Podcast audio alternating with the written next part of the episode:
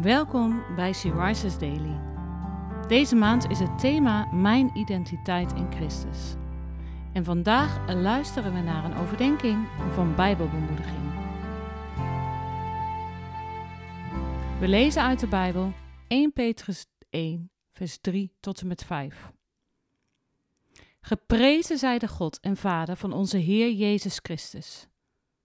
In zijn grote barmhartigheid heeft Hij ons opnieuw geboren doen worden door de opstanding van Jezus Christus uit de dood, waardoor wij leven in hoop.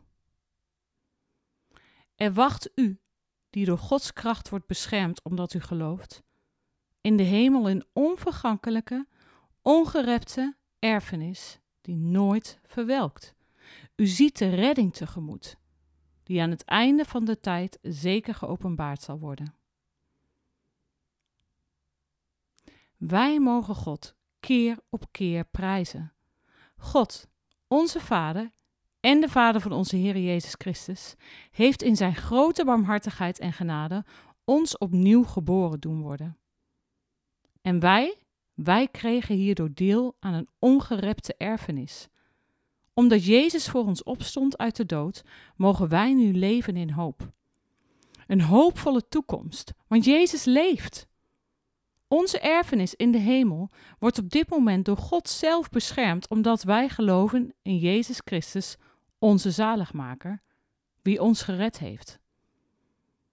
Jezus bewaart nu deze ongerepte erfenis en het is speciaal voor jou. Wat een hoopvolle toekomst en laten we daarom samen Hem prijzen. Hoe machtig is Zijn naam op heel deze aarde. Neem eens een moment de tijd om God te prijzen en te danken voor deze geweldige, hoopvolle toekomst.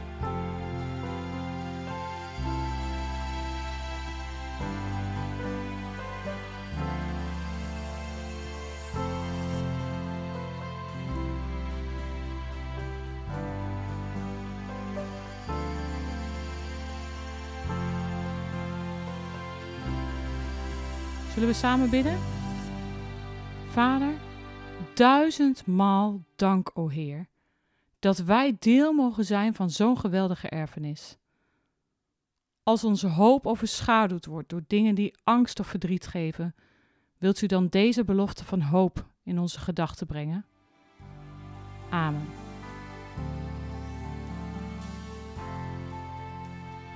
Je luisterde naar een podcast van Sea Rises. She Rises is een platform dat vrouwen wil bemoedigen en inspireren in hun relatie met God. Wij zijn ervan overtuigd dat het Gods verlangen is dat alle vrouwen over de hele wereld Hem leren kennen. Kijk op www.she-rises.nl voor meer informatie.